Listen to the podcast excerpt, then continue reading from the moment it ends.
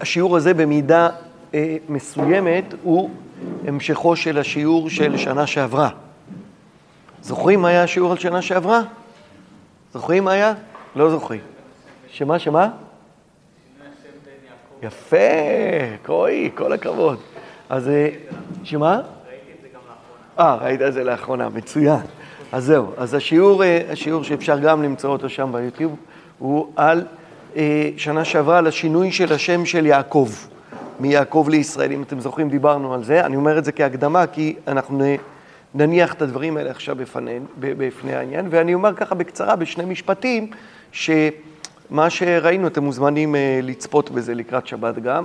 מי שלא ראה את זה, מי שלא זוכר את זה ולא שמע, שנה שעברה, שיעור א', ודיברתי על זה שהשינוי של יעקב, אחרי שיעקב מבקש מהקדוש ברוך הוא שיציל אותו מיד אחיו, מיד עשיו, השינוי של השם הוא כמו אה, שינוי תודעה, או כמו שינוי ייעוד, או כמו שינוי אה, תפיסה. כלומר, אה, דיברתי על זה שנה שעברה, שיעקב נקרא יעקב על שום המאבק הראשון שלו בעשיו, שהוא יצא מהמאבק הזה כשידו על התחתונה. יעקב יוצא אחרי, כן, מאבק מי יצא קודם, מי יהיה הבכור, מי ינצח, כן? הוא נאבק בבטן של רבקה ביחד עם עשיו, מי יצא ראשון ומי ניצח? עשיו ניצח, יעקב עוד מנסה איכשהו למשוך אותו בחזרה, אוחז בעקבו, והוא לא מצליח, והוא נקרא בשם יעקב על שם שהוא אוחז בעקב. כלומר, אם נגיד את זה, ב... אמרתי את זה שנה שעברה במין ככה אה, דימוי כזה, שתדמיינו את יעקב יושב בגן, בגן הילדים, כן, בגן, ואומרים לו, הגננת שואלת אותו, איך קוראים לך? ביום הראשון, במעגל פתיחה, והוא אומר לה, יעקב. היא אומרת לו, למה קוראים לך יעקב? אז הוא אומר לה, כי במאבק הראשון שלי עלי אדמות הפסדתי. בסדר? זאת אומרת, זה בעצם השם של יעקב. ויעקב מתנהל באופן הזה. זאת אומרת, הוא מתנהל כל הזמן אל מול עשיו. קונה את הבכורה, גונב את הברכה, מפחד ממנו, שולח לו מנחה, והוא מפחד. ואז, מה עושה הקדוש ברוך הוא? הקדוש ברוך הוא אה, מזמן לו מאבק, והפעם במאבק הזה, איך הוא מסתיים המאבק הזה? שיעקב מנצח, כן? ואז משנה המלאך את שם יעקב לישראל ואומר לו, למה קוראים לך עכשיו ישראל? לא יעקב עוד אלא ישראל, כי שרית עם אלוהים ועם אנשים ותוכל. ותוכל הכוונה לנצח, יכול נוכל להם, כן? זאת אומרת, הנה, נלחמת והצלחת, ניצחת, כן? עכשיו אתה צריך להתחיל להתנהל מעכשיו כמו ווינר, כן? כמו מי שמנצח, כן? כמו מי שסומך על עצמו, כמו מי שיודע שהקדוש ברוך הוא לצידו. זה בעצם השינוי של יעקב לישראל, שהוא שינוי מנטלי מעמדה, עמדה של אנדרדוג לעמדה של אני עושה, כי יש לי כוח, כי יש לי יכולת. זה התשובה של הקדוש ברוך הוא לתפילה של יעקב, תצילני, יצילני מיד אחים מיד עשיו. האם יעקב מפנים את המסר הזה? אז שנה שעברה אה, טענתי שלא כל כך. קודם כל, אפשר לקבל רמז ראשון לכך שיעקב לא מפנים את המסר הזה, כבר מהאופן שהפער בין איך שהוא מתאר את המאבק שהיה לו עם המלאך, לאיך שבאמת היה המאבק. כי בסוף המאבק עם המלאך, נאמר לו, כי שרית עם אלוהים ועם אנשים, ותוכל. וכשיעקב קם בבוקר, הוא קורא למקום פניאל ואומר, כי ראיתי אלוהים פנים אל פנים, ותנצל נפשי. תראו את ההבדל בין להגיד ותוכל, הוא ניצח, אבל איך הוא זוכר את החלום? מה הנרטיב שלו מהמאבק הזה? ניצלתי. מה ניצלת? ניצחת, לא ניצלת. אבל הוא אומר, ותנצל נפשי. באמת אחר כך אנחנו רואים שכשהוא פוגש את אחיו, את עשיו, הוא אומר לו, כי על כן ראיתי פניך כראות פני אלוהים, ותרצני. הנה הוא משתמש באותו הדימוי, הוא לא אומר, הוא אומר, הסכמת לקבל אותי, הוא לא אומר, ראיתי פניך וניצחתי. יעקב ממשיך להתנהל כמו יעקב. אגב, אמרתי גם שנה שעברה, זה כל זה תקציר של השנה הקודמת, אתם לא צריכים אחר כך לראות את השיעור. אמרתי גם שנה שעברה שממילא אה, יעקב, אה, אה, התורה ממשיכה לקרוא לו גם יעקב. ולא רק ישראל, משנים את שמו עוד פעם בשכם, בפרשה שלנו, וגם בהמשך, יעקב ממשיך להיקרא יעקב. האם, מה זה אומר? אברהם, אחרי שמשתנה שמו מאברהם לאברהם, הוא לא מפסיק להיקרא אברהם, אברהם. אסור לקרוא לו אברהם, רק אברהם, כל התורה כולה אברהם, אברהם, חוץ ממקום אחד, כן, אה, אה, שאנחנו אומרים, ב, אה, וקראת את שמו אברהם, כן, כן, ומצאת לבונמה לפניך, כן, חוץ מהמקום הזה, אנחנו לא קוראים לו אברהם, אברהם, רק אברהם, ואותו דבר שרי. יעקב ממשיך להיקרא, יעקב, גם אחר כך, גם על ידי התורה, התורה מכנה אותו יעקב. מה זה אומר? זה אומר שכנראה ששתי העמדות האלה הן עמדות שיש להן צד של אמת. לפעמים אנחנו צריכים להתנהג כמו יעקב, לפעמים אנחנו צריכים להתנהג כמו ישראל. זה שתי אנרגיות שאנחנו משתמשים בהן כל הזמן, כן? באקטואליה. יש בחינה של ההתנהלות שלנו עכשיו בהקשר של החטופים, היא בחינת יעקב. כן? מבחינת ישראל בא ואומר, אנחנו, מה פתאום? שום, שום הסכם, שום כלום, לא עושים הסכם עם השטן. נלחמים עד הסוף, אנחנו ננצח ונוציא את החטופים. ויש בחינה שאומרת, לא, תשמע, אין מה לעשות. פישלנו וצריך לשלם על הפשלה הזאת עכשיו, וכן, יש לזה מחיר. להתנהג כמו יעקב, כן, צריך להתפשר, צריך לעסוק בדיפלומטיה, צריך, כן? עכשיו, מה נכון? אני לא מכריע עכשיו מה נכון, לא רוצה להגיד מה נכון, אני רק אומר ששתי העמדות האלה לאורך ההיסטוריה הן עמדות שפעמים התנהגנו כמו יעקב, פעמים כמו ישראל. רבן יוחנן בן זכאי, כשהוא אומר תן לי את יבנה וחכמיה, בניגוד לקנאים, מתנהג כמו יעקב, נכון? קנאים מתנהגים כמו ישראל. מצד שני, יש מרגעים אחרים בהיסטוריה, כשבן גוריון, אמרתי גם שנה שעברה, אני חושב, שבן גוריון צריך להחליט אם להקים את המדינה, כשכל היועצים מסביב אומרים לו, תקשיב, המדינה לא תשרוד יום אחד, ארה"ב לא תהיה איתנו, אף אחד לא יהיה איתנו, ובן גוריון אומר, זה רגע היסטורי, אה, אנחנו לא יכולים לוותר על הרגע הזה, יהיה מה שיהיה, והוא מקים את המדינה, הוא מתנהג כמו ישראל, כן? והנה זה הצליח. לפעמים ישראל לא מצליח, אז זה שתי תנועות עמוקות שיש בעם ישראל, בראשון שלהם, אברהם, יצחק הם האבות הקדמונים, אבל בני ישראל הם בני יעקב, אנחנו קוראים בני ישראל בני יעקב, כלומר זה מלמד שעם ישראל לאורך ההיסטוריה לעיתים צריך להמליך יעקב. צריך להיות ישראל עד כאן, תקציר השיעור הקודם. כל זה למה אני מקשר את זה אלינו? כי מקרה המבחן הראשון, השני, סליחה, הראשון היה הפגישה עם עשיו. מקרה המבחן השני של יעקב בין האפשרות להתנהג כיעקב להתנהג כישראל, מגיע מתי? בפרשה שלנו בשכם, בסיפור של שכם. אז בואו נראה בקצרה את הסיפור הזה, ולזה הרקע היה חשוב. כן, בפרק ל"ד, ותצא דינה בת לאה אשר ילדה ליעקב לראות בבנות הארץ, וירא אותה שכם בן חמור אחיו נשיא הארץ, ויקח אותה וישכב אותה ויעניה. ותדבק נפשו בדינה בת יעקב, ויאהב את הנערה, וידבר על לב הנערה. הנערה. ויאמר שכם אל חמור אביו, לאמור, קח לי את הילדה הזאת לאישה. ויעקב שמע כי טימא את דינה ביתו, ובניו היו את מקנהו בשדה, והחריש יעקב עד בואם. טוב, אז התגובה הזאת כבר, א', שימו לב, מעניין שהוא נקרא פה יעקב. בסדר? זה אחרי שמשונה שמו, כן? בפעם הראשונה לפחות, כן? נכון? הפעם השנייה היא מתרחשת אחר כך. אבל אה, הוא נקרא פה יעקב. עכשיו, האם זאת התנהגות יעקבית? לא חייבים להגיד, כן? זאת אומרת, זה שהוא שומע והוא מחריש עד בואם, יכול להיות שבסדר, שהוא מתכנן פה אה, פעולה רצינית, אבל כרגע הוא אומר, אני צריך לחכות, אני לא יכול ללכת לבד. חכה שהבנים שלי יחזרו מן השדה. ובכל זאת, זה שהכתוב מציין את זה, הכתוב לא היה חייב לציין את זה. עצם זה שהכתוב... שמה? נכון, נכון. עצם זה גם שהכתוב פה מציין, והחריש יעקב עד בואם, זה, זה כבר מלמד על הניגון, על התנועה שיעקב הולך איתה פה. טוב? ויצא חמור אבי שכם אל יעקב לדבר איתו, ובני יעקב באו מן השדה כשומם, ויתעצבו האנשים ויחר להם מאוד. אי אפשר שלא להתעלם על ההבדל בין התגובה של יעקב לתגובה שלהם. ויעקב שמע, לא כתוב ויתעצב, לא כתוב ויחר לו, כתוב יעקב שמע, כי טימא דיניו איתו וחריש עד בואם. והם שומעים את זה, ויהי כשומעם, ויתעצבו אנשים, ויחר להם מאוד, כי נבלה עשה בישראל. לשכב את בת יעקב, וכן לא יעשה. אי אפשר שלא לחוש את ההבדל בין התגובה של יעקב לתגובה של בניו. וידבר חמור איתם לאמור שכם בני חשקה נפשו בביתכם, תנו נא אותה לי, אה, אותה לו לאישה, והתחתנו אותנו, בנותיכם תנו לנו, ובנותינו תיקחו לכם, ואתם תשבו וכולי. ויאמר שכם אל אביה ואל אחיה אמצא חן בעיניכם, אשר תאמרו לי אתן, הרבו אליי מוהר וכולי. הנה המוהר שלמדנו מכתובות, כן, ותנו לי את הנערה לאישה, ואז אנחנו קוראים, ויענו בני יעקב את שכם ואת חמור אביו במרמה. שימו לב, יעקב לא בסיפור, אלא רק בניו. וידברו, אשר טימא את דינה אחותם. כן, והנה חיזור הביטוי, אשר טימא את דינה אחותם. שימו לב שמקודם היה כתוב, כי טימא את דינה ביתו, כי טימא את דינה ביתו, וכאן כתוב, אשר טימא את דינה אחותם. זאת אומרת, יש הבדל. יעקב מגיב לעובדה שטימאו את ביתו בהחרשה. הם מגיבים לזה שהוא טימא את אחותם במרמה. ויאמר לא נאכל, כן, ותכף נבין מה פשר המרמה הזאת.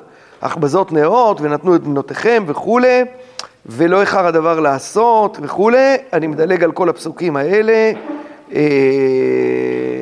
עד אחרי המילה, פסוק כ"ה. ויהי ביום השלישי בהיותם כואבים, אחרי שהם נעתרים להסכם הזה ומלאים את כל ביתם, שכם, את כל בני שכם, ויקחו שני בני יעקב. שימו לב עכשיו שפתאום זה לא כל בני יעקב, אלא רק שני בני יעקב, שמעון ולוי, אחי דינה.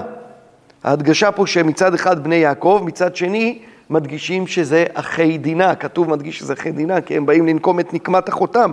איש חרבו יבוא על העיר בטח, ויהרגו כל זכר ואת חמור ואת שכם בנו, הרגו לפי חרב, ויקחו את דינה מבית שכם ויצאו. בני יעקב באו על החללים, שימו לב פה כתוב בני יעקב, לא בטוח שזה רק שמעון ולוי, אולי זה כולם, באו על החללים ויבוזו, ויבוזו העיר אשר טימאו אחותם. שוב ההדגשה, אשר טימאו אחותם. את צונם ואת בקרם ואת חמוריהם ואת אשר בעיר ואת אשר בשדה לקחו ואת כל חילם ואת כל טפם ואת נשיהם שבו ויבוזו ואת כל, ואת כל אשר בבית. שכאן צריך לשים לב, ש... רוצה לשאול משהו? כן? שאלה טובה, שאלה טובה. תכף, תכף אולי נדבר על זה. אבל בכל מקרה, אה, אנחנו צריכים לשים לב שיש פה אה, פסוקים רחבים ורבים שמתארים את לקיחת השלל. פסוקים רבים שמתארים את לקיחת השלל, אי אפשר להתעלם מזה, נכון? זאת אומרת, גם אה, אה, בעצם הסיפור יכל להיגמר, בסדר, הרגו כל זכר, את חמור ואת שכם הרגו, ויקחו את דינה מבית שכם, ויצאו. לכאורה היה אפשר לייצר פה. מפסוק כ"ז יש לנו בעצם שני פסוקים ארוכים, כן? סליחה, שלושה פסוקים, כ"ז, כ"ח, כ"ט, שמתארים את לקיחת הביזה. שתסכימו איתי שהפסוקים האלה הם פסוקים שהם מיותרים לצורך תיאור חילוץ דינה, ויכול להיות שהם פסוקים שהם מעוררים בנו אי נוחות מסוימת, כן? זכו במגילת אסתר. מה הפזמון החוזר שאנחנו עושים פשש אחרי כל פעם שהרב תמיר קורא אותו? ובביזה לא שלחו ידם, ובביזה לא שלחו ידם, בביזה לא שלחו ידם. סיפור מהמלחמה. הבן שלי, שנמצא בעזה, יצא לפני כמה ימים ל-20 ול-48 שעות, הוא חזר בחזרה פנימה לשם, והוא סיפר שהם, אה, אה, אחרי שהם תיארו איזשהו בית, הם היו צריכים להישאר בו כמה ימים בבית הזה, ומה הם אכלו? מנות קרב, אכלו מנות קרב. ופתאום הם מצאו שם בבית אה, סיר של, אה, לא סיר, אה, שק של אורז. אז הם אמרו למפקד, שמע, אנחנו, בואו נשתמש באורז הזה. בית נטוש כבר, כאילו, הרוס וזה. בואו נשתמש באורז, נכין לנו אורז, שיהיה לנו אוכל חם, כאילו, שיהיה לנו משהו, לא רק מנות קרב, כאילו, אוכל חם. אמר להם המפקד, המפקץ אמר להם, לא נוגעים בשום דבר שהוא שלהם. זה תחילת ההידרדרות. עכשיו ניקח להם אורז, ומחר ניקח שעון שנראה פה, נמצא פה באיזה בית, באיזה בית או כסף, או... לא נוגעים בשום דבר שלהם, בשלל שלהם. לא נוגעים. והם לא אכלו את האורז הזה. תראו איזה צבא מוסרי יש לנו, כן? זאת אומרת, ובביזה לא שלחו ידם, כן? איזה הבדל בין הרשעים הארורים האלה לבינינו, כן? זאת אומרת, אנחנו נלחמים, נכנסים לבית, בית נטוש. האורז הזה גם לא, מה, אפשר לחשוב, כאילו, האורז הזה, כאילו, שכשהם יחזרו הם יאכלו מהאורז הזה. לא אוכלים מהאורז, לא נוגעים מהאוכל שלהם, כן? אני אומר, על הרקע הזה, באים אה, בני לוי, בני אה, אה, אה, יעקב, ומתואר איך הם נכנסים לבתים, והם לוקחים את הבקר, ואת החמורים, ואת כל אשר בשדה, ואת כל חילם, ואת כל טפם, ואת נשיהם, שבו ויבוזו, ואת כל אשר בבית. גם את האורז. יכול להיות שפה כבר יש איזה סוג של ביקורת, כן, על, אה, על המעשה שלהם. ואז אנחנו קוראים, ויאמר יעקב אל שמעון ואל לוי, אחרתם אותי להבישני ביושב הארץ בכנעני ובפריזי, ואני מתי מספר, ונאספו עליי והיכוני, ונשמעתי אני וביתי. מה אומר יעקב? מה אומר לבניו? אתם לא נורמליים. למה? זה מסוכן. אנחנו פה מיעוט קטן, הם הרוב, הם החזקים, אנחנו ערוכים, גר ותושב אנוכי עמכם, אומר אברהם, כן? עכשיו הוא אומר, אתם בסדר, פעלתם מתוך אה, אה, רצון לנקום, אבל מה יהיה המחיר של זה עכשיו?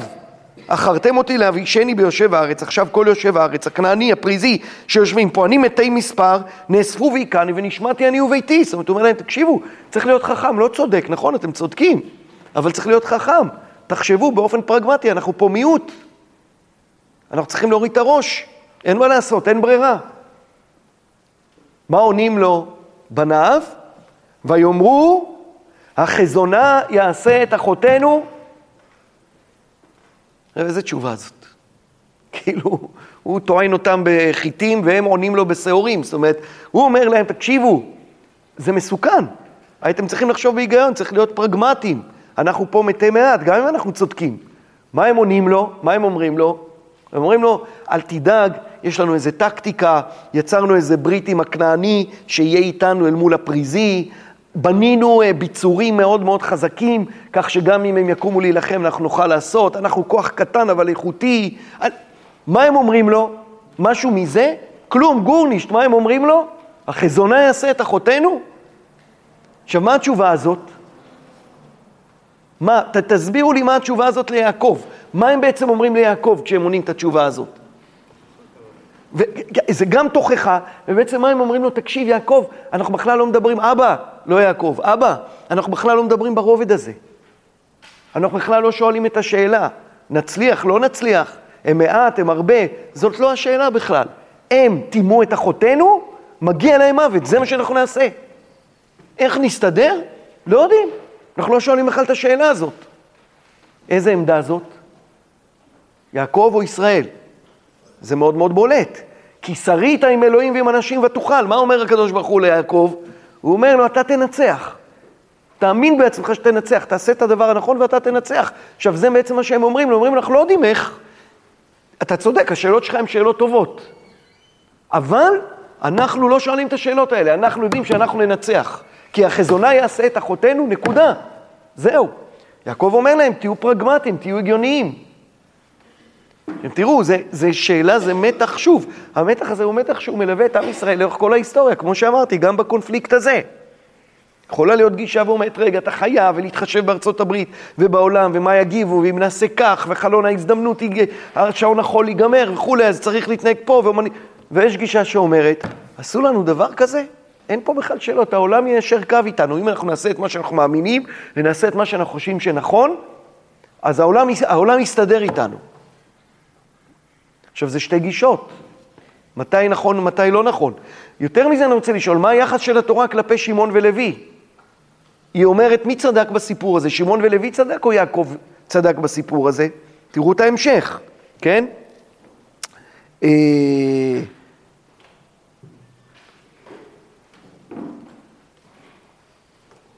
יעקב אומר להם מיד אחר כך, הקדוש ברוך הוא נגלה אליו ואומר לו, קום עלי בית אל וכולי. אה, אה, ואז כתוב, זה פסוק ה', אה, וייסעו, ויהי חיטת אלוהים על הערים אשר סביבותיהם, ולא רדפו אחרי בני יעקב. שימו לב, הכתוב מדגיש, שלום עליכם, אה, ושבו בנים לגבולם, כן? ולא, ולא, אה, אה, כן, ולא רדפו אחרי יעקב, ולא רדפו אחרי בני יעקב. אגב, שימו לב, לא אחרי יעקב, אלא אחרי מי? אחרי בני יעקב, נכון? זאת אומרת, זו תשובה להם. יעקב, כאילו, מה עכשיו, מה לכאורה, מה, מה, מה קרה פה בעצם? מה היה פה? הם, הם, הם עוזבים את המקום. עכשיו, ממה חשש יעקב? שלא יאפשרו לו שירדפו אחריהם ויהרגו אותם כנקמה על מה שהם עשו בשכם. אבל מה קרה בפועל? חיטת אלוהים, פחד אלוהים על הערים האלה, ולא רדפו אחרי בני יעקב. אז מי צדק? יעקב צדק או בניו צדקו? מה? אל תתביישו, מי צדק? בניו, נכון? כן, יואב? אני חושב שבכללי כל הסיפור הזה מתחילתו ועד סופו, אפשר לומר שמוסרית אף אחד לא יצא בסדר בסיפור. כל הצדדים. גם שכם, גם יעקב, גם בניו, אף אחד מהם לא יצא בסדר. וכאילו בעצם גם, גם הסוף של הסיפור, שאומרים לו, ואמרו, אחזונה יעשו אחותינו, ומה יעקב מגיב, ומה הם יגידו לו חזרה, ומה יגידו עמים אחרים, זה, כאילו, המקרא לא מספר לנו את זה. כן. כאילו, זה נראה שבאמת משהו פה... באמת היה סיפור בעייתי מההתחלה ועד הסוף. ושהוא, ו, ובאמת, מה אני מסכים מהדברים שאתה אומר? שיש פה איזו עמימות, עמימות, מה ההכרעה השיפוטית של התורה כלפי הסיפור הזה. כשאנחנו מסיימים את הסיפור הזה, האם באופן מובהק ברור לנו, ברור לנו, אז אמרתי ברמזים על השלל, ואמרתי, אה, אבל האם ברור לנו בסופו של דבר באופן מובהק מי צודק ומי לא צודק? האם מעשה שמעון ולוי הוא מעשה נכון או לא מעשה נכון במקרה הזה? כשהתורה פות... מסיימת את הסיפור ב"החזונה יעשה את אחותינו", מילת הסיום, אקורד הסיום של הדיון הזה, זה הקריאה המהדהדת שלהם, החזונה יעשה את אחותינו, אז אולי הם צודקים, ויש חיטת אלוהים, אז אולי הם צודקים. מצד שני הם לוקחים את השלל, מצד שני, נכון? עכשיו בואו נמשיך הלאה. אנחנו יודעים שהסיפור הזה לא נגמר פה. איפה הסיפור הזה של שמעון ולוי בעצם מסתיים בין, בין יעקב לבינם? בברכות, נכון? בויחי. מה אומר יעקב לפני מותו לשמעון ולוי? שמעון ולוי אחים, כלי חמאס מחירותיהם. מה זה כלי חמאס? מה זה חמאס? אנחנו יודעים מה זה חמאס היום, אבל מה זה חמאס פה? גניבה, גזל. כלומר, כנראה בפשט, כשהוא אומר להם כלי חמאס, למה הוא מתכוון? למה הוא מתכוון? לשלל שהם לקחו, כלי חמאס מחרותיהם. בסודם אל תבוא נפשי. מה זה בסודם אל תבוא נפשי? בהת... בה... בהתארגנות שלהם, הם, הרי הם תכננו פה את הסוד, אני לא רוצה להיות חלק מהסוד הזה שלהם, של מה שהם עשו ביחד, לא רוצה להיות חלק. ביקהלם אל תיחד כבודי, לא רוצה להיות בכאל, למה? כי והפעם הרגו איש, וברצונם יקרו שור, כן? אז חז"ל לוקחים את היקרו שור אל יוסף, ומנסים ללמוד שאולי שמעון ולוי היו דומיננטיים גם במכירה של יוסף, זה לא כתוב במפורש, אבל אפשר לדייק את זה, כי יהודה וראובן עושים משהו אחד, ואחר כך יש את שמעון ולוי, אפשר. אבל, אבל בפשטות, ארור הפעם כי עז ועברתם כי קשת, על מה מדובר פה? יעקב סוגר איתם חשבון על מעשה שכם. ולא רק זה, הוא בסוף מקלל אותם. אכלכם ביעקב ואפיצם בישראל. כלומר, מה הוא אומר להם? מה זה אכלכם ויעקב ואפיצם בישראל? אסור שהם יהיו ביחד. זה מסוכן שהם ביחד. שמעון ולוי ביחד, שני החמומי מוח האלה, אתה שם אותם ביחד, אתה לא יודע מה יצא מזה. הם ארור אפם, כי אז. זאת אומרת, יש להם, יש להם אה, חרון אף, הם אנשים קנאיים, שמעון ולוי, יש להם קנאות. וכיוון שיש להם קנאות, אסור להם להיות ביחד. הם פעלו בקנאות. עכשיו, קנאות זה דבר טוב או דבר לא טוב. יעקב מכריע פה מבחינתו שקנאות זה דבר לא טוב. ההתנהגות הזאת של יעקב כלא קנאי, כיעקב, בישראליות יש קנאות, יש משהו קנאי בלהיות ישראל. ויעקב פה אומר להם בסוף, אני לא מסכים עם הקנאות הזאת, היא מסוכנת הקנאות הזאת שלכם. ולכן אני, לא מקלל, אני לא אגיד מקלל, אבל אני משרטט את הגורל שלכם בעתיד, שאתם לא תוכלו להיות ביחד. אכלכם ויעקב יפיצם בישראל. לשים את שמעון ביחד, לשים את לוי ביחד, זה בעיה. זה מה שהוא בעצם אומר. ולכאורה יש פה הכרעה, יש פה הכרעה. אגב, אני רוצה להגיד לכם, גם בפרשנות, גם בפרשנות, כן, אני אקריא לכם, הרמב"ם, הרמב"ם כותב בהלכות מלכים, פרק ט' הלכה י"ד, וכיצד מצווינן על הדינין, חייבים להושיב דיינים ושופטים בכל פלך ופלך, לדון בשש מצוות אלו ולהזהיר את העם, ובן נוח שעבר על אחת משבע מצוות אלו ייהרג בסייף, ומפני זה נתחייבו כל בעלי שכם הריגה, שהרי שכם גזל, והם ראו וידעו ולא דנו, ובן נוח נהרג בעד אחד ובדיין אחד בלא התראה ועל פי קרובין. זאת אומרת, לכאורה, מה אומר בעצם הרמב"ם על שמעון ולוי? הם פעלו על פי דין תורה. פעלו על פי דין תורה, הם הוציאו לפועל דין תורה, זה מה שהיה צריך לעשות. הכל בסדר, לא קנאות ולא כלום. מידת הדין, ייקוב הדין את ההר. הרמב"ן אומר, ואין דברים הללו נכונים בעיניי, שאם כן היה יעקב אבינו חייב להיות קודם וזוכה במיתתם. אם באמת זה היה דין, אז יעקב היה עושה את זה. ואם פחד מהם, למה כעס על בניו וערר אפם אחר כמה זמנים, וענש אותם וחילקם והפיצם, והלא הם זכו ועשו מצווה ובטחו באלוהים והצילם. הנה הרמב"ן אומר, לא יכול להיות שהם עשו מעשה טוב בניגוד לרמב"ם, למה? כי עובדה שיעקב קילל אותם בסוף. אבל עניין שכם כבני יעקב בעבור שהיו אנשי שכם רשעים ודמם חשוב להם כמים, רצו להינקם מהם בחרב נוקמת והרגו המלך וכל אנשי עירו כי עבדיו הם ושרים את משמעתו. והנה הברית אשר נימו לא נחשב ביניהם למאומה, כי היה להחניף לאדוניהם. ויעקב אמר להם בחן כי הביאו בסכנה, שנאמר וחרתם אותי לאבישני, ושם ערר אפם, כי עשו חמס לאנשי העיר, שאמרו להם במעמדו, וישבנו אתכם והיינו לעם אחד. והם היו בוחרים בהם ובעטו בדיבורם. ואולי ישובו אל השם והרגו אותם חינם, כי לא הראו להם כלל. וזהו שאמר, כלי חמאס מכורותיהם. הנה מחלוקת רמב"ם רמב"ן, האם המעשה שהם עשו הוא טוב, או מעשה שהם עשו הוא רע. אם הרמב"ן, אם הרמב"ן והרמב"ם חלוקים, משמע שהתורה משאירה את זה עמום. התורה משאירה את זה עמום. ואני רוצה להציע את ההצעה הבאה. אני רוצה להציע שהסיפור הזה של הקנאות שבאה מהמקום של ישראל, לא, הוא לא נגמר פה. ההכרעה של האם המעשה של שמעון ולוי הוא מעשה טוב או לא מעשה טוב, המעשה הזה אם הוא היה מעשה ראוי או לא היה מעשה ראוי, לא נגמרת פה. ההכרעה הזאת, יש לה עוד שתי תחנות עד שהיא מגיעה לקו הסיום שלה. התחנה הבאה היא אחרי חטא העגל. עם ישראל חוטא כולו בחטא העגל, ואחרי חטא העגל אה, משה יורד ורואה את כל העם נסחף אחרי העגל, ומבין שהדרך היחידה לטפל בסיפור הזה עכשיו, זה במעשה קנאות. ואז אנחנו קוראים את הפסוקים המפורסמים.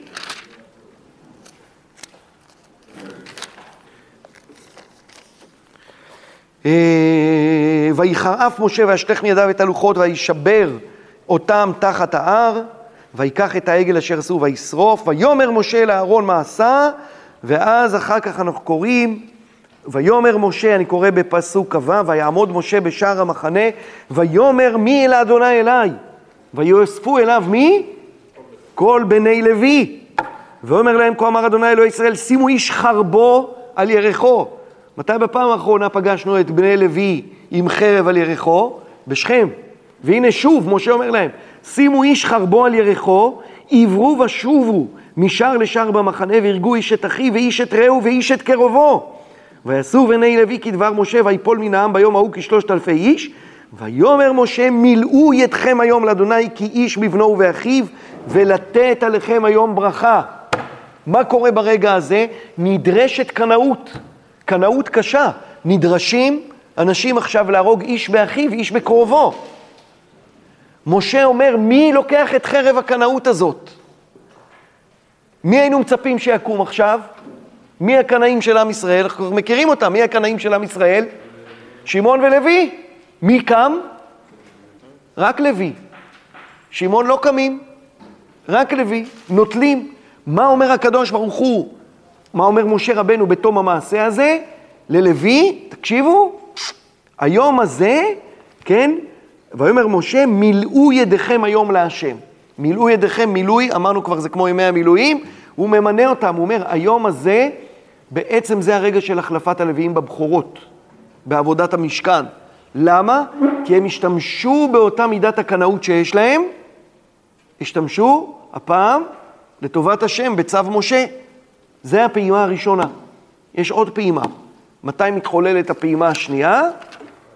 יפה, לפרשת פנחס. אם אנחנו הולכים לפרשת פנחס, שם שוב יש סיפור דומה של מציאות של חוסר אונים של המנהיגות, שהמנהיגות זקוקה למישהו קנאי שיעשה את העבודה. אנחנו רואים בסוף פרשת בלק, כן? אה, וישב ישראל בשיטים, ויחל העם לזנות אל בנות מואב, ותקרן על העם לזבחי אלוהיהן, ויאכל העם וישתחוו לאלוהיהן, ויצמד ישראל לבעל פאור, וייחר אף אדוני בישראל. ויאמר אדוני למשה, קח את כל ראשי העם והוקע אותם לאדוני נגד השמש, וישוב חרון אף אדוני מישראל. ויאמר משה אל שופטי ישראל, ירגו איש אנשיו הנצמדים לבעל פאור. הנה אותו דבר. הוא קורא, אבל הפעם הוא לא קורא ללוי, למי הוא קורא? לשופטים, למנהיגים. עכשיו, המנהיגים לא רק שלא נעתרים לבקשתו של משה, אלא ההפך. מה ההפך? והנה איש מבני ישראל בא, ויקרב אל אחיו את המדיינית לעיני משה ולעיני כל עדת בני ישראל, והם אבוכים פתח אוהל מועד. זאת אומרת, תראו את החוסר אונים, משה, תדמיינו את הדבר הזה, משה צועק, מי להשם אליי? ומה קורה הפעם, בפעם השנייה שהוא קורא את זה, לא במילים האלה, אבל מה קורה הפעם? אף אחד לא בא. לא רק שאף אחד לא בא, מי שאמור לבוא, נשיא בית אב, זמרי בן סלו, שהוא אמור להיות אחד מהמוקיעים, אחד מאלה שהולכים להרוג איש את, את הנצמדים לבעל פאור. הוא בעצמו מוביל את המהלך הזה, והוא בא עכשיו עם אותה מדיינית לעיני בני ישראל, לעיני כל הדת בני ישראל, והם הבוכים. חוסר אונים מוחלט. מה נדרש ברגע הזה? קנאות. מי? וירא פנחס בן אלעזר בן אהרון הכהן ויקום מתוך העדה ויקח רומח בידו, שוב החרב. הנה החרב מופיעה בפעם השלישית. ויבוא אחר איש ישראל אל הקובה וידקור את שניהם את איש ישראל ואת האישה אל קובתה ותעצר המגפה מעל בני ישראל. יפה, ואומרת לנו התורה בפרשייה הבאה, ושם איש, ושם איש ישראל המוכה אשר הוכה את המדיינית, זמרי בן סלו נשיא בית אב לשמעוני. שימו לב מה קרה פה, איזה רגע דרמטי, ממש זה כמו סרט, שאפשר ממש לעשות מזה סרט. שמעון ולוי היו ביחד במעשה קנאות בשכם. והנה שוב הם פוגשים אחד את השני, שמעון ולוי, אבל הפעם הם פוגשים אחד את השני משני הצדדים של המתרס. בצד אחד נמצא שמעון, שצריך לומר שהוא משתמש באותה תכונה שיש לו. תבינו איזה חוצפה, איזה עזות, ארו הפעם כי אז צריכה להיות לזמרי בן סלול, נשיא ואת אב לשמעוני, להתייצב מול משה רבנו, שאומר לעבור איש במחנה ויראו איש הנשיב הנצמדים לבעל פאור, ולא רק שהוא לא עושה את זה כנשיא בית אב לשמעוני, אלא הוא בא עם המדיינית, והוא נצמד אל המדיינית עכשיו מול כולם. זה ארור הפעם כי אז, זה להשתמש באותה התכונה. אבל הפעם אל מול התכונה הזאת, אל מול שמעון, מי ניצב? ניצב פנחס בן אלעזר משבט לוי. והנה פה זה עוד קומה. זאת אומרת, אם כבר הפרידה של לוי משמעון, בשימוש במידת הקנאות שיש לו, מתרחשת כבר בחטא העגל, הרי שהיא מגיעה להשלמה, מתי? היא מגיעה להשלמה בשלב הזה של פנחס בן אלעזר, שבו שוב אנחנו רואים את מידת הקנאות, את הישראליות, לא את היעקוביות. את הישראליות מופיעה במלוא עוצמתה, רק שוב שהיא מופיעה אצל שמעון לסיטרא אחרא, לתאווה, ליצר, למרידה במשה רבנו, בלי פחד, לא אכפת לי, מי זה משה רבנו? אני עושה את מה שבא לי. אל מול שבט לוי, פנחס בן אלעזר, שגם עושה מעשה קנאי, הירואי, ארור, אפם. השיב את חמתי בקנו את קינתי. אבל הדבר הזה הוא זה שמציל, הוא זה שמציל את הדבר הזה. מותר לך, מותר לך, זה בסדר, כן? הוא זה שמציל, הוא זה שמציל את עם ישראל בסיטואציה הזאת. איפה זה בא לידי ביטוי, הדבר הזה? הדבר הזה בא לידי ביטוי בברכות של משה. אם אנחנו מדלגים רגע לברכות של משה, אז אנחנו קוראים בברכות של משה את ההבדל בין שמעון לבין לוי. הלוי אנחנו קוראים, וללוי אמר, תומך ואורך לאיש חסידיך אשר ניסיתו במסע תריבו על מי מריבה. אומר לאביו ולאמו לא ראיתי ואת אחיו לא הכיר ואת בניו לא ידע. הוא מזכיר את האירוע הזה. כי שמעו אמרתך ובריתך ינצור, יורו משפטיך ליעקב ותורתך לישראל, ישימו כתורה באפיך וחליל על מזבחיך. ברך אדוני חיל עופו על ידיו תרצה, מחץ מותניים, קמיו ומשנאיו מניקומון. מה הברכה שניתנת ללוי? הברכה שניתנת ללוי זה להיות, להיות מה? להיות מורה הוראה בישראל, והשם הוא נחלתו. איך זה מופיע, לדוגמה, כבר בספר במדבר, בפרק י"ח, אפילו עוד לפני הסיפור הזה כבר על לוי נאמר, הרי הסיפור הזה, כמו שאמרנו, הוא כבר מתחיל לפני כן. ללוי נאמר, אה, והם יישאו, כי, אה, אה, כי את מאסר בני ישראל אשר ירמו לאדוני נתתי ללוויים לנחלה, על כן אמרתי להם, בתוך בני ישראל, אני קורא במדבר י"ח, על כן אמרתי להם, בתוך בני ישראל לא ינחלו נחלה. שימו לב, למה, למה שבט לוי לא נוחלים נחלה? למה אין להם נחלה? מה אתם אומרים? למה אין להם נחלה? עד, עד לחטא העגל, גם לא הייתה אמורה להיות להם נחלה. למה לא הייתה אמורה להיות להם נחלה? אכלכם ביעקב, אפיצם בישראל. זה אומר, אין להם נחלה. אסור לתת ללוי להיות ביחד. הם, זה מסוכן לתת להם להיות ביחד. השבט הזה בפני ביחד יהיה טראבל מייקר גדול מאוד אם אנחנו נשאיר אותו ביחד. זה אכלכם ויעקב אפיצם בישראל. אבל מה קרה? הברכה, הקללה, סליחה, נתהפכה לברכה. בזכות המעשה שלהם, אכלכם ויעקב ואפיצם בישראל הפך להיות ברכה. באיזה מובן הפך להיות ברכה? כי לא אתן להם נחלה, כי אני הוא נחלתם. כי אין להם נחלה, כי הם צריכים ללמד תורה בתם ישראל, הם מלמדי התינוקות, אה, אין להם נחלה, כי אני נחלתם, הם יושבים אצלי. זאת אומרת, הקללה שלהם הפכה להיות ברכה, כי הם לקחו את התכונה הזאת שהייתה קללה, והפכו את התנועה הזאת לברכה, משימוש שלילי שלה לשימוש חיובי שלה. זה מה שהם עשו. לעומת זאת, שמעון, כבר מסיפור שכם, ממשיך להתנהג עם אותה מידה. הוא לא עושה תיקון, ולא רק שהוא לא עושה תיקון, הוא ממשיך באותו האופן בסיפור של זמרי בן צלו. ולכן גם לשמעון אין נחלה. למה לשמעון אין נחלה? איך כתוב, ואני אקריא לכם את זה בספר יהושע, כתוב, ויצא הגורל השני לשמעון למטה בני שמעון למשפחותם, ויהי נחלתם בתוך נחלת בני יהודה. מחבל בני יהודה נחלת בני שמעון, כי היה חלק בני יהודה רב מהם, וינחלו בני שמעון בתוך נחלתם. שימו לב, איפה הם מקבלים נחלה, שבט שמעון? הם מקבלים נחלה כתת נחלה בתוך יהודה, זה לא מקרי, כן? זה להצמיד את שמעון ליהודה, להגיד שיהודה ישמור עליהם. אי אפשר לתת להם נחלה בפני עצמם. כלומר, אצל שמעון אכלכם ביעקב אפיצם בישראל נשאר קללה. אצל לוי זה הפך להיות ברכה. כלומר, במילים אחרות אני רוצה להגיד, אני רוצה להציע לסיום, שהשאלה מה העמדה השיפוטית של התורה כלפי מעשה שמעון ולוי, אני רוצה להגיד פה משהו מורכב. היא עמדה שמתבררת למפרע. האם המעשה שלכם, שמעון ולוי, בשכם היה טוב או לא? השאלה, מה אתם תעשו עם הקנאות הזאת? כלומר, אולי אם אנחנו נראה שאתם משתמשים בקנאות הזאת לטוב, זה ילמד למפרע שהמעשה של שכם ולוי היה מעשה חיובי. של שכם, של שמעון ולוי.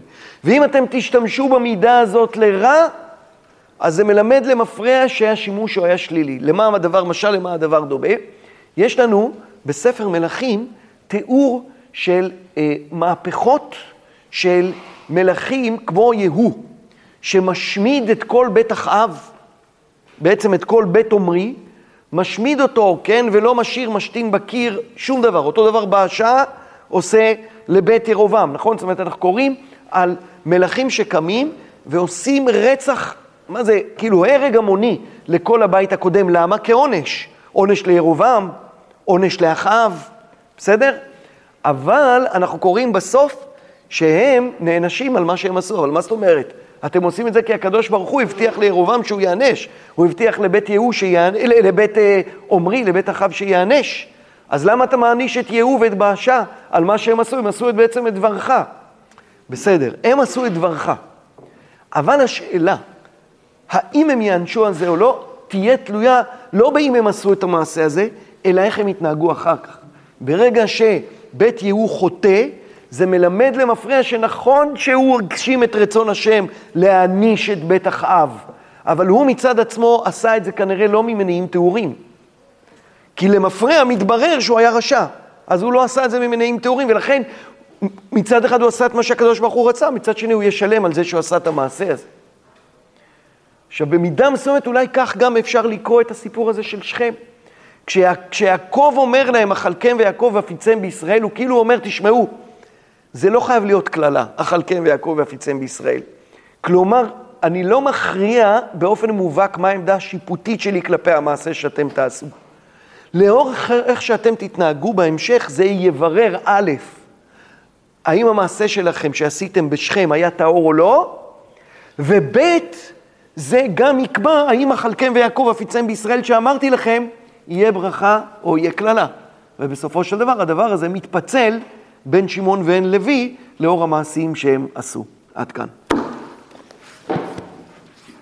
רגע, תשמעו רגע, שנייה, רק אני אקריא לכם, שלא המצאתי כלום מהדברים שאמרתי פה, שנייה, שכחתי, אני אקריא לכם מהספרי, מספר דברים, תקשיבו איזה יופי. וללוי אמר, למה נאמר? לפי, תראו את הדימוי של הספרי, לפי ששמעון ולוי, שניהם שתו בכוס אחד. שנאמר, ארור אפם כי עז ועברתם כי קשה, תאכלכם ביעקב ואפיצם בישראל. שניהם שתו מאותו כוס. משל לשניים שלבו, אני מסיים, משל לשניים שלבו מן המלך, תקשיבו למשל. אחד פרה למלך וחזר והלווה את המלך, והאחד לא דיו שלא פרה אלא חזר ולווה. שניים לבו מהמלך, אבל אחד החזיר לו, והשני, לא רק שהוא לא החזיר לו, אלא הוא לקח עוד. כך שמעון ולוי, שניהם לבו בשכם. תראו את הביטוי של הספרי. לבו בשכם זה כאילו להגיד, לא ברור עדיין מה יהיה עם זה, כרגע זה רק הלוואה, המעשה הזה. כעניין שנאמר, ויקחו שני בלוי, שמעון ולוי, אחרי דינה, יש חרבו, יבואו אל העיר בטח ויהרגו כל חרב. לוי פרה, מה שלווה במדבר, שנאמר, ויעמוד משה בשער המחנה, ויאמר כה אמר השם, שימו איש חרבו על ירחו ויעשו בני לוי כדבר השם. וחזר והלווה את המקום בשיטים, לא רק שהוא פרה, אלא אפילו הוא הלווה את המקום, שנאמר פנחס בן אלעזר אהרון השיב את חמתי מעל בני ישראל בקונו את קנאתי ותוכם ולאכול את בני ישראל בקנאתי. שמעון לא דיו שלא פרה, אלא חזר ולווה, שנאמר ושם איש ישראל המוכה אשר היכה את המדינית, זמרי בן סלו, נשיא ואת אב לשמעוני. לכך אמר וללוי אמר ברכת משה. כל השיעור הזה בשמונה שורות של המדרש בספרי. שקוייך.